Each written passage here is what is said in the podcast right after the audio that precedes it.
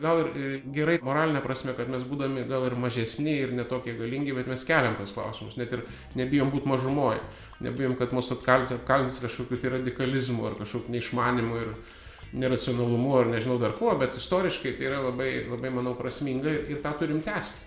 Nes labai patogu yra pratilėti. Jūs klausotės Talking Diplomacy ir tai paskutinis šio sezono epizodas. Išskirtinėme interviu kalbame su kadenciją baigiančiu Lietuvos užsienio reikalų ministru Linu Linkevičiumi apie aštuonerių metų iššūkius ir iškiausius akcentus.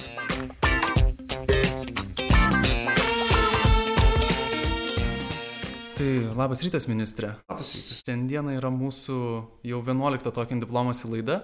Labai džiaugiamės, kad turime progą Jūs pakarbinti. Ir norėtume iš tikrųjų tokį pirmą klausimą labai paprastą užduoti, nes visą laiką kiekvieną savo pašnekovo paklausime to pačio. Ar gali mūsų pašnekovas trumpai prisistatyti mūsų auditorijai ir papasakoti šiek tiek apie save? Gimiau Vilniuje, beje, netoli nuo šitos vietos, nes šiaip esu kaunietis ir visą laiką gyvenau Kaune ir mokiausi, baigiau 7 vidurinę, kuri dabar Šančių vidurinė, taip kad esu iš Šančių, visą laiką pabrėžiu. Na, po to baigiau Politechnikos institutą, automatikos fakultetą, automatikos ir telemechanikos specialybę, dėl ko bandau visus sėti su tuo, ką veikiu dabar, nes telemechanika tai yra kibernetika, valdymas per atstumą. Tai va, pagal specialybę praktiškai ir neteko padirbėti, tai, tai va tas dabar užsimam kažkuo kitu. Aktyviai sportavau, kai mokiausi mokykloje. Tikrai labai aktyviai, devynis kartus į savaitę treniruotės, tai nebūdavo laiko praktiškai niekam, tik tai mokslai ir sportai. Nu, po to buvo šiokia tokia trauma ir baigėsi šitie visi pratimai. Pačiu toje nepriklausomybės laikotarpiu, tai apie 15 metų teko dirbti vyriausybėse įvairiuose, pagal skaičių, gal šešiuose turbūt būtų pagal, pagal skaičių. Ir, ir, ir tikrai gana ilgą laiką, septynetą metų krašto apsaugos ministru.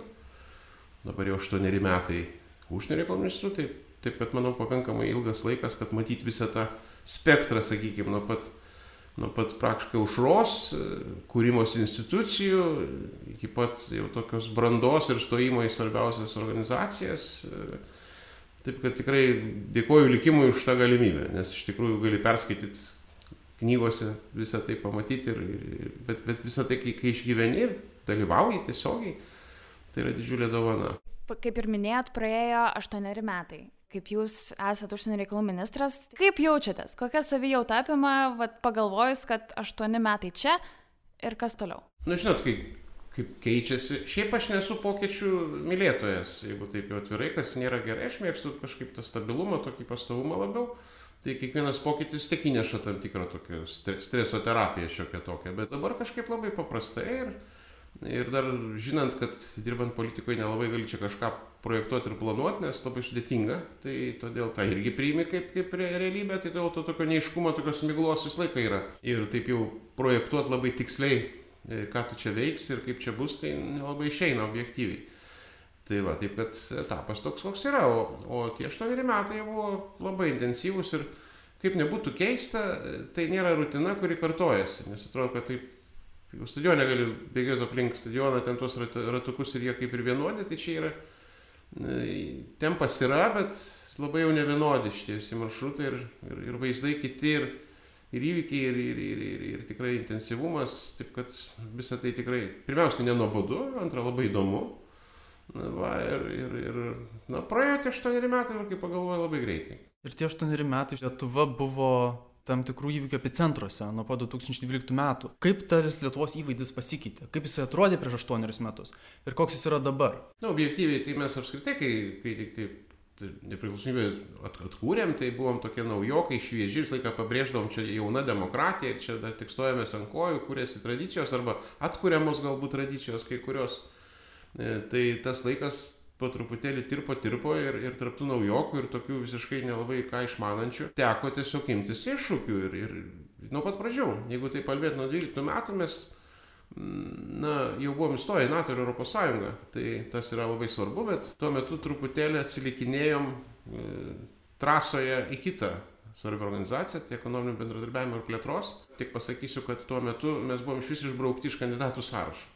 Tas buvo ir apmaudu ir ir truputėlį neteisinga bet taip jau yra kadangi ta organizacija jinai yra neteisingai vadinama turtingiausių klubu aš tai sakyčiau gal sėkmingiausių pasaulio ekonomikų turtais čia mes niekada nepasižymėjom bet kaip tvarkyti ūkį ekonomiką tai yra standartai tam tikri ir ir tam tikra siekiamybė. Turim galbūt pritraukti būtent tuo tokiu modeliu. Tai štai tas tas tas buvo labai svarbu. Ir matyt nuo nuo nuo pat pirmų dienų praktiškai įsijungėm labai aktyviai dabar jau esam nariai tai galim jau apie tai šnekėt bet tik noriu pastebėti kad tai nebuvo savaime suprantama. Lygiai kaip ir nebuvo savaime suprantama narystė nato savo laiku arba savaime suprantama kaip dabar gal kai kas įsivaizduoja neišvengiamybė narystė sąjungoj bet aš tą miniu todėl kad tai yra dvylikti metai todėl kad tai yra pradžia. Ir tas buvo kaip sakyt ne ne kažkoks tai tenais vienintelis darbų frontas nes labai reikėjo intensyviai ruoštis pirmą kartą tarp baltijos šalių pirmininkavimui europos sąjungoj čia daug daugelis jau ir prisimena. Ir tai jau buvo išbandymas rimtas nes pusei milijardo gyventojų organizacijai vienai tokių stipriausių ekonominių dalyvių pasauliniuose procesuose pirmininkaut tai tikrai nėra juokas. Ir ir ir čia reikėjo ir ir žmogiškųjų resursų ir patirties ir ir ir pagaliau reikia įveikti tą tokį požiūrį gal ne skeptišką bet tokį kritišką iš šalies ką čia tie tie naujokai ar sugebės. Nes vis tiek mes dar nauji švieži ir ir tas irgi tokia truputėlį sukaustė dar dar laikotarpis teko toks specifinis politinio sezono pabaiga ir pradžia. Tai ne visą laiką ne ne visiems tas išpuola nes tiek septynerių metų biudžetą reikėjo suderint ne tik metų bet ir septynerių metų. Ir aibei darbo grupių pasiruošti dirbti. Reiškia tam turėjo būt paruošti žmonės. Čia ne tik gebėjimas kalbų bet ir bet ir išmanymas paieška kompromiso ir sprendimų ir ir ir ir čia vėlgi neinant į detales tik noriu pasakyt kad didžiulis didžiulis tas darbas tai mes tam labai ruošėmės rimtai. Gal gal todėl kad ruošėmės rimtai tai tas neužgriuvo kaip kažkokia lavina. Negalima sakyt kad laukėm to bet negalima ir sakyti kad nebuvom pasiruošę. Tai čia išbandymą tikrai įvykdėm atlikom padarėm darbą. Ir laukt nebuvo kada nes kitą dieną jau kitą dieną nes tryliktais metais antrą pusmetį pirmininkavom o keturioliktų metų sausio pirmą dieną jau praktiškai irgi taip atsitiko mus išrinko į jungtinių tautų saugumo tarybą nenuolatiniais nariais ta prasme atsitiko irgi ne savaime.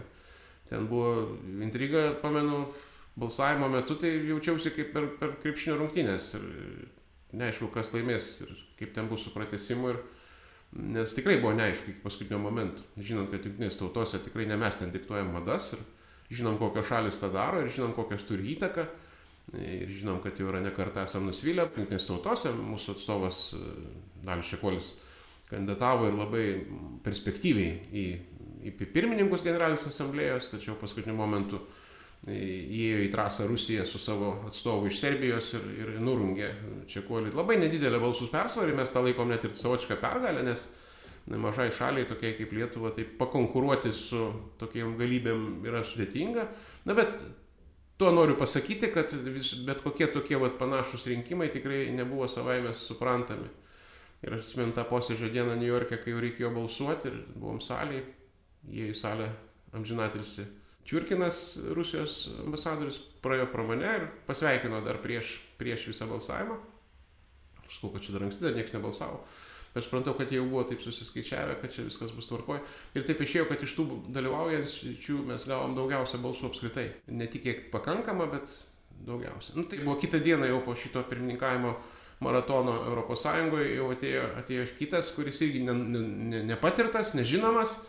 Ir saugumo taryboj dalyvaut tai čia tarp penkiolikos pasaulyje šalių kurių penkios nuolatinės kitos nenuolatinės ir ir tai jau pasaulio nu meka sakykim tokia elitas politikos.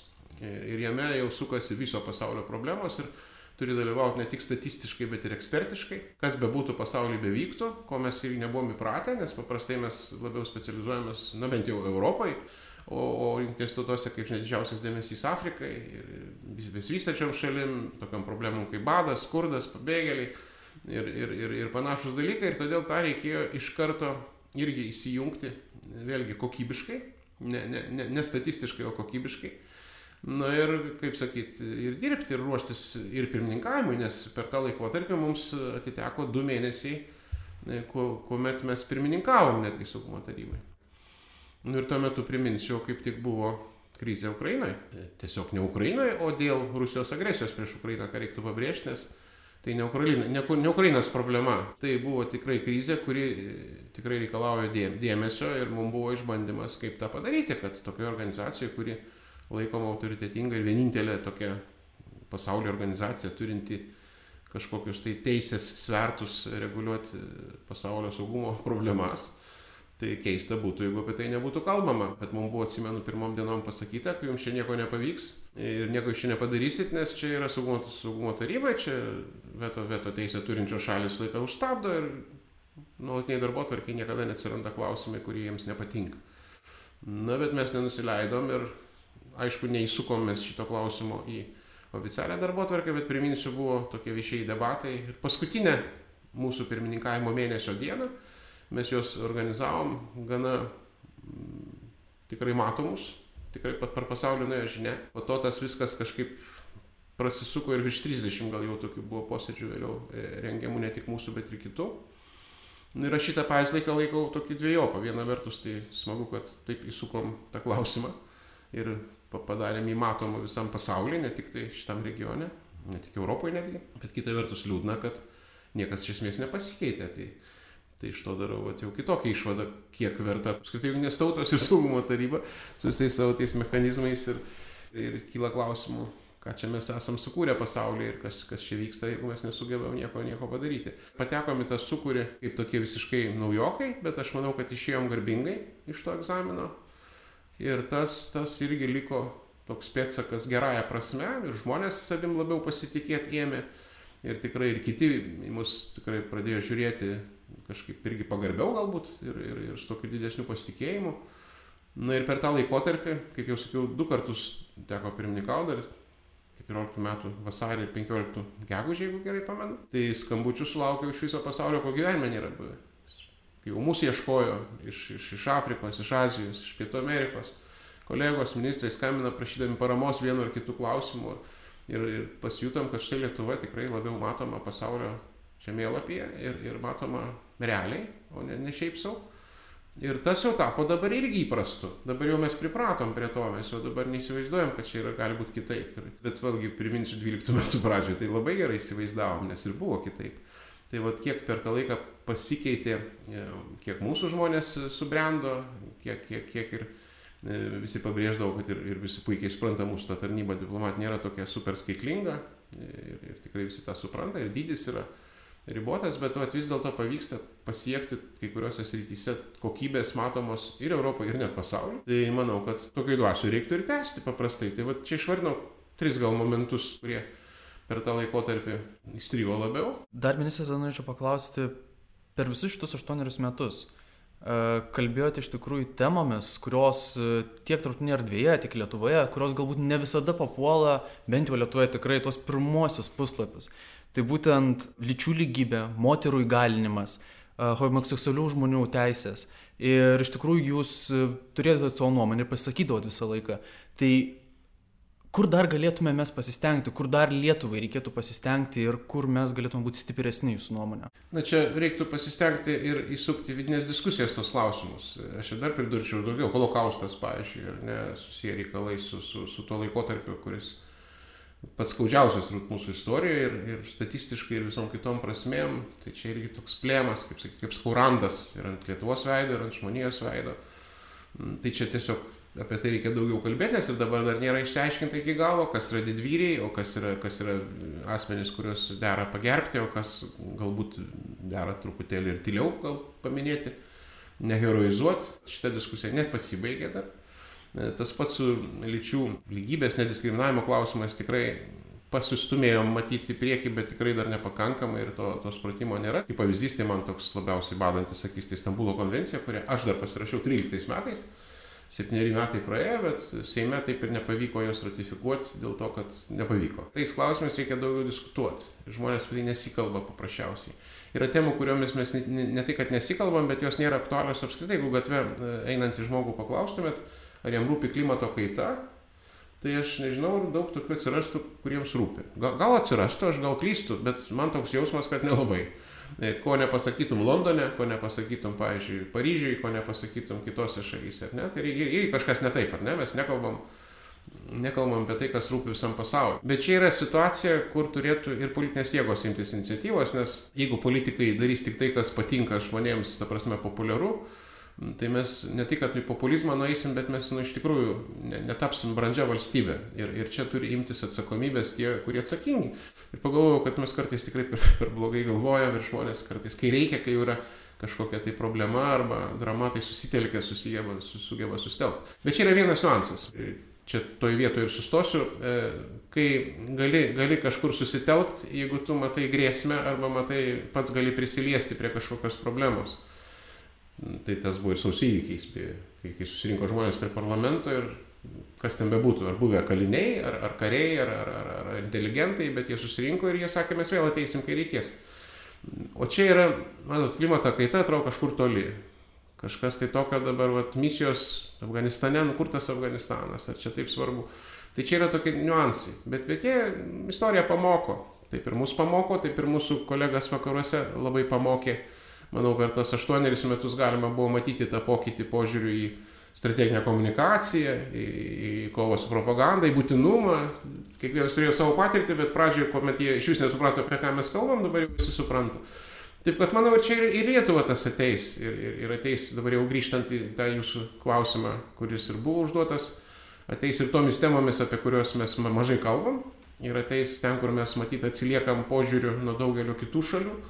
Ateis, bet tam reikia dirbti, savaime laukti yra per daug prabangos, reikia, reikia būti proaktyviems ir manau tokia yra mūsų užduotis.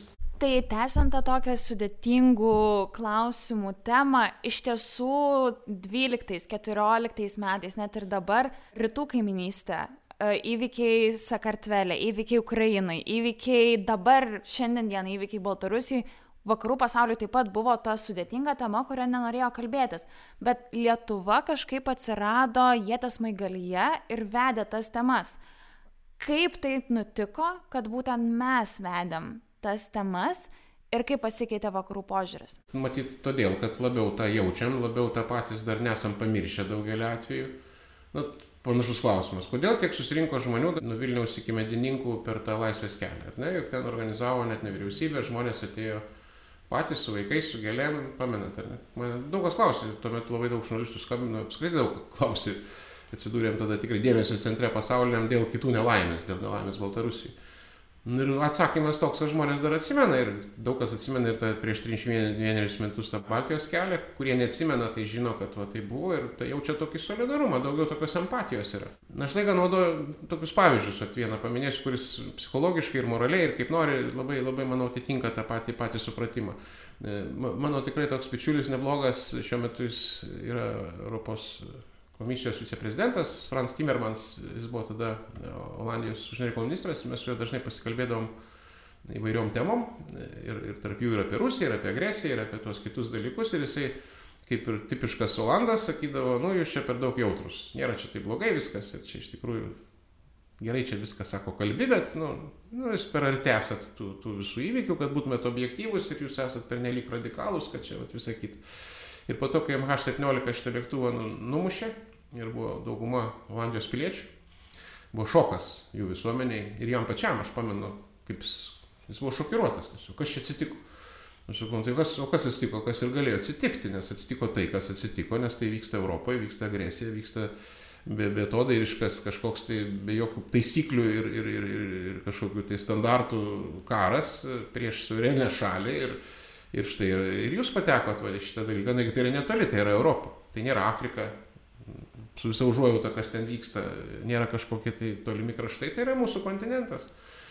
Ir tai tikrai padėjo jiems labiau atverti akis. Buvom mažumoje ir likom, manau, šiek tiek mažumoje, kai kalbam apie principinės kažkokias tai radikalesnės priemonės, kad imtis prieš tuos agresorius. Ir nėra tai, tai lengva tai padaryti, bet ta dauguma yra labiau tokia pasyvi ir leidžia mums kaip ir spręsti. Ir, ir mes primam tos vertybinius kartais sprendimus, būdami mažumoje, juos pasiūlydami ir jiem pritarė ta dauguma, kuri daug, daugiau, vis tiek daugumoje yra, nėra tokia proaktyvi. Tai todėl e, mano kolega Rusijos Sergejus Lavrovas teisus, kai, kai sako, kad čia saujelė radikalų veda čia paskui save tą visą Sąjungą, tokią solidžią organizaciją ir kažkodėl visi nes, ne, nesusipranta, kaip jie neteisingai ir neracionaliai elgesi. O kitas jums pavyzdys, kuris rodo, kaip šalis įsijungia, kai jau prisiliečia prie problematikos pačios nu, lengviau tą kalbėti apie Junktinę karalystę, aš apie nuodėjimus dabar kalbėsiu, ne? nes jie dabar patys analizuoja, kaip čia buvo, Litvinenko buvo byla, Britanijos pilietis, nuodytas, panaudotas kaip ir ginklas, galima sakyti. Ir reakcija tokia buvo gana, gana nusaky tada. Ir po to, po to Salisburis. Jau visai kita situacija ir jie tada jau pradėjo labai rimtai žiūrėti ir visas pasaulis sujudo, pamenat, kiek mes tada ir diplomatų, kiek, kiek, kiek išvarėm, iš, iš, iš kiek Junktinės valstijos išvarė, netgi ir čia visi vyko, po, lyg ir panašiai viskas, bet vat, jau kitą kartą kitaip. O dabar Navalno nuodėjimo istorija, žiūrėkit, Vokietija kaip įsijungė, nors Navalnas tai nėra Vokietijos pilietis, ar ne? Jisai tik gydomas buvo Vokietijoje ir, ir nuodijo jį ne NATO teritorijoje, o, o Rusijoje. Ne? Aš tiesiog noriu pavyzdį tą pasakyti. Ir žiūrėkit, kaip aktyviai visi įsijungia į tą bent jau kalbėjimą pradžiai, bet matau, manau, kad tik, ne tik, kad turim imtis priemonių, kad tai yra nepriimtina, kad 21 amžiuje naudojamas cheminis ginklas, karinis ginklas, parengtas karinėse laboratorijose prieš taikius, taikius piliečius. Tai va jums evoliucija. Tai va žiūrėkit, kiek per tą septynetą metų ar aštuonetą, koks, koks spektras ir kaip viskas pasikeitė, bet tik todėl, kad patys kažką patyrė, ne, ne dėl kitų priežasčių. Ir todėl mes čia buvom mažumoje, sakau, ir likom tam tikrą prasme. Ir jeigu taip jau kalbėti apie poveikį, tai čia susijęs su, su, su tuo veiksmingumu tarptautinių organizacijų. Ir man labai visą laiką dabar pacituoju Svetlaną Tikhanovskają. Dar.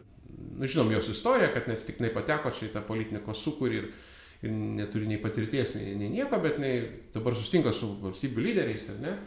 Ir, ir, ir jie tik, tikrai ir su pasaulio žiniasklaida tiesiog įmesta į šitą visą sukūrį ir jinai labai tvarkingai, aš manau, tenais atrodo, įvertinant tai, kad jinai nėra tam pasiruošus. Bet jos kai kurie pastebėjimai man tikrai patiko, kai sako, sako, kaip čia yra aš dabar kai pradėjau čia dalyvauti, sako, tiek tų organizacijų, sako, struktūrų visokių, čia susitikimų kažkokių, tai ir niekas nevyksta. nu tai dabar taip sakyti, kad visai niekas nevyksta, gal ir negali, bet tai teisė, absoliučiai. Ko vertos tos mūsų organizacijos su didžiuliais biudžetais? Važiavę tie visi lyderiai su savo family foto, ar ne? Ir tais pareiškimais, kurie kartais tokia kalba surašyti, kur net nesupranti, ką, ką ten norima pasakyti. O karas tęsiasi, o, o, o, o, o kraujas liejasi, ar ne? Kaip, kaip taip gali būti? Bet pamenat, tai kaip Srebrenica, pavyzdžiui, kur buvo, jūs gal nepamenat, bet istorijoje yra, kur irgi gėda jungtinių tautų, kai dislokuoti kariai, žydrėjai šalmai, tuo metu vėlgi Olandam kliuvo tas visas krūvis ir Srebrenicoje vis tiek buvo išpjauti vyrai, berniukai, įvyko genocidas akivaizdoje pasaulio. Taip, visą tai vyko. Tai vad užduodam ir, ir kartais ir aš užduodu tos klausimus, kad gal ir, ir, ir gerai ta prasme, mo, moralinė prasme, kad mes būdami gal ir mažesni ir netokie galingi, bet mes keliam tos klausimus, net ir nebijom būti mažumoje, nebijom, kad mus apkaltins kažkokiu tai radikalizmu ar kažkokiu neišmanimu ir neracionalumu ar nežinau dar kuo, bet istoriškai tai yra labai, labai manau, prasminga ir, ir tą turim tęsti.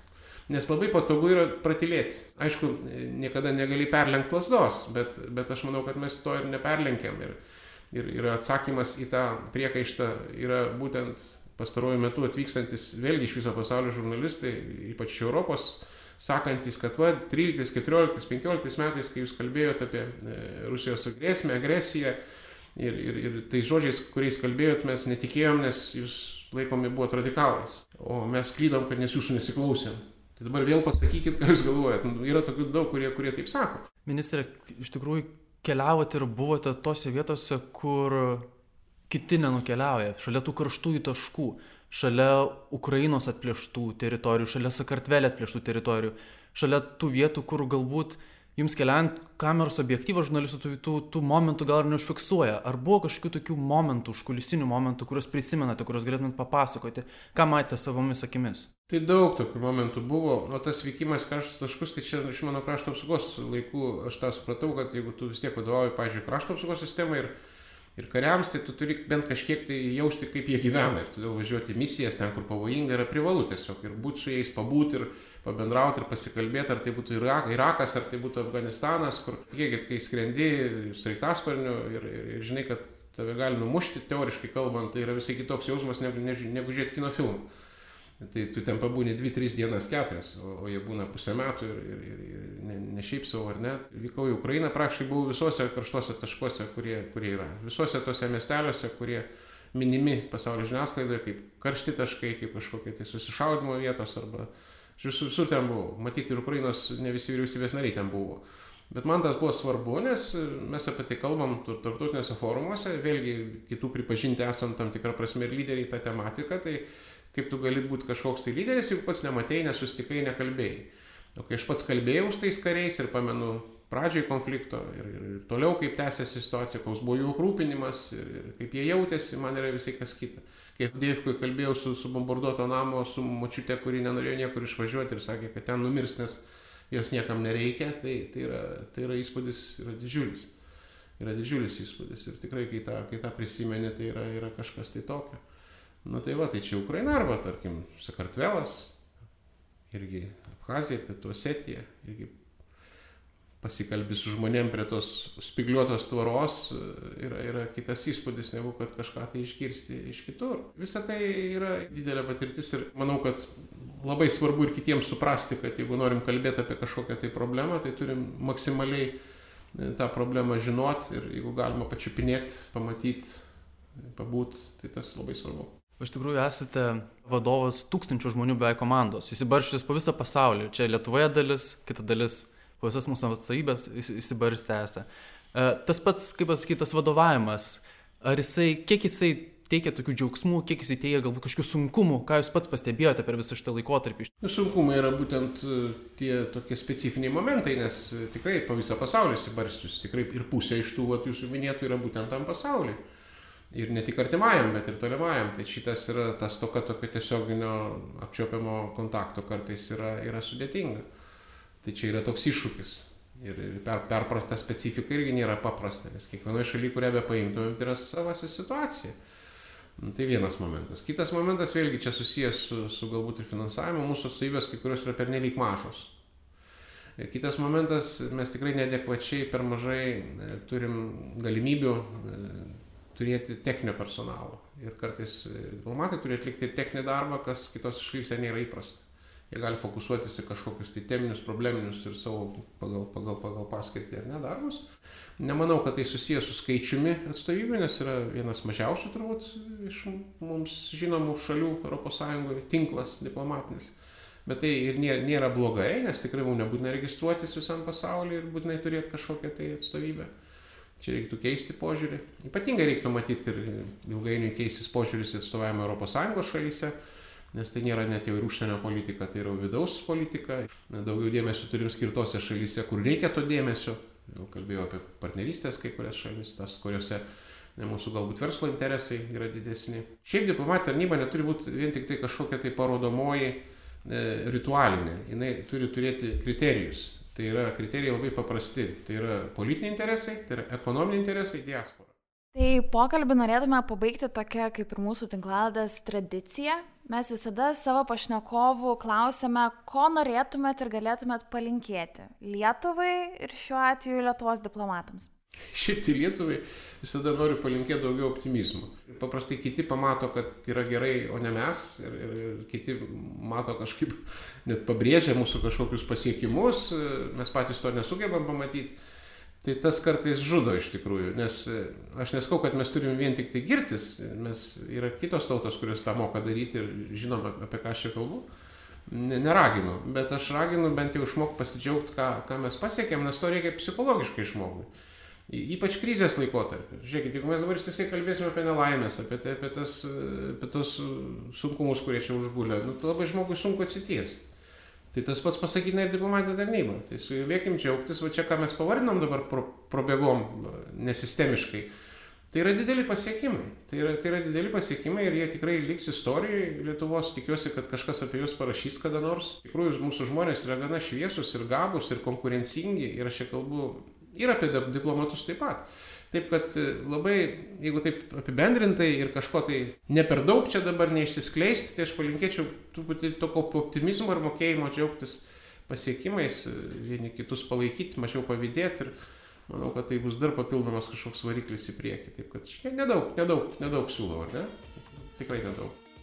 Ministrė, labai ačiū. Iš tikrųjų, palėtėme kelis procentus temų ir tų kelių procentų dar tik paviršius. Tai tikėkime, kad ateityje mes galėsime į tas temas dar pasigilinti labiau. Ačiū Jums. Ačiū labai.